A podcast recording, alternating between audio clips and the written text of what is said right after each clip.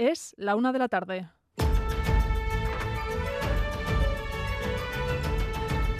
Crónica de Euskadi con Irache Ruiz.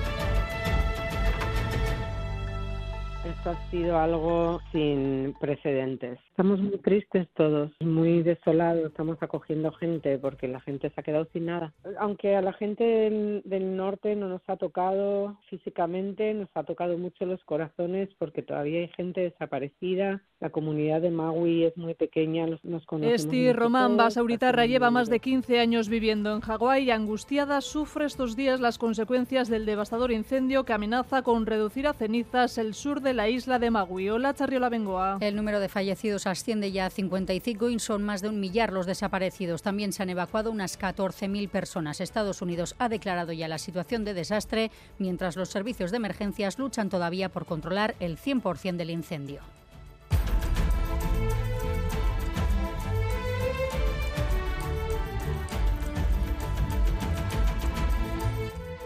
A Rachaldeón en unos minutos ampliaremos el testimonio desde Hawái, pero además seguimos pendientes de las restricciones al uso de agua en Busturialdea y en la zona de Zuya. Las fuentes municipales se han cerrado, no se pueden regar jardines ni lavar el coche. Y Doña Gatón, el consorcio de aguas tiene ya listo un barco cisterna por si hiciera falta abastecer la comarca. Sí, porque la comarca de Busturialdea está en situación de prealarma por déficit de agua. Ya hay un barco contratado y preparado para abastecer a la población en caso de ser necesario, tal y como ocurrió el año pasado. Esta mañana en Boulevard de Radio Euskadi, la alcaldesa de Mundaca, Sorne Rubio, confirmaba que van a seguir las indicaciones del consorcio de aguas, van a difundir el bando con las medidas extraordinarias que se van a adoptar, medidas como clausurar las fuentes municipales que afectan a 16 municipios. Abastecer de electricidad a 2.000 hogares es el ambicioso objetivo que se marca el pionero aerogenerador marítimo que en breve formará parte del paisaje en la costa vizcaína, Irene Barañano. Se trata de un aerogenerador flotante a dos millas de la costa de Arminza, visible incluso desde Baquio. Su aspa de 2 megavatios y 96 metros de diámetro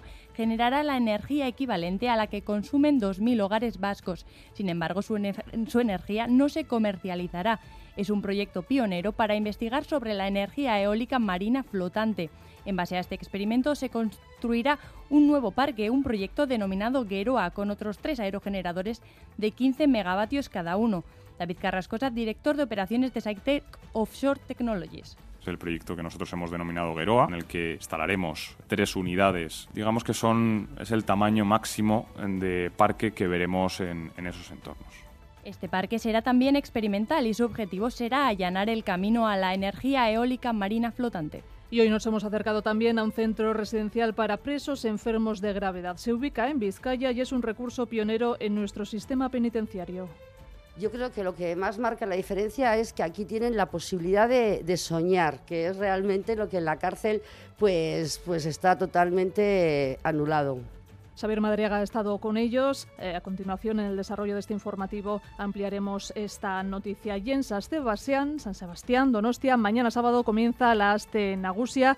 A las 6 de la tarde será disparado el tradicional cañonazo desde la explanada junto al ayuntamiento de la capital. Serán unas fiestas inclusivas. El cañonazo lo lanzarán miembros de la Asociación Aspace, afectados por daño cerebral, y la Sociedad Fotográfica de Guipúzcoa, que este año cumple 75 años de andadura. Escuchamos a Elías Arroabarrena y Onin Mocoroa, responsables del cañonazo de la Donostiarra.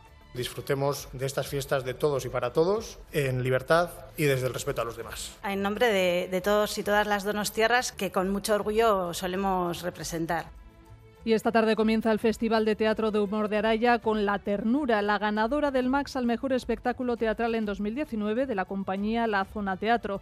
Es la edición número 30 del festival, cuya organización ya ha pasado a manos de las generaciones más jóvenes para que cumplan 30 años más. Jayone Azcona está satisfecha con los 13 espectáculos programados. Parte de la programación de teatro bien completa que tenemos, vamos a tener la oportunidad de ver una exposición fotográfica que va a hacer un recorrido de los 30 años del festival, donde vamos a poder ver antiguos carteles, antiguas programaciones, fotos de actores y compañías que han pasado por aquí, fotos del público que probablemente tengan 20 años menos que ahora mismo y se van a poder reconocer. Titulares también de los deportes. César Pérez Gazola ya huele a comienzo de liga. Cara Saldeón, pues sí, dos meses y medio después vuelve el fútbol. Comienza hoy la liga, tanto en primera como en segunda división. Para nuestro fútbol, también este viernes es día de regresos en su retorno a segunda de la Morevieta recibe hoy desde las 7 en Lezama a Levante. El primer rival de los azules es sin duda uno de los equipos más eh, potentes de la categoría. En el Mundial de Australia y Nueva Zelanda, Mundial Femenino, ya tenemos a las dos primeras eh, selecciones semifinalistas. Van a jugar España y Suecia por un puesto en la final este próximo martes. Y hoy comienza en el frontón de los arcos eh, la tercera jornada del Master CaixaBank. Hablamos de pelota. El Ordi y Albisu que aún no han ganado ante Peña y resulta que tienen un punto en este campeonato.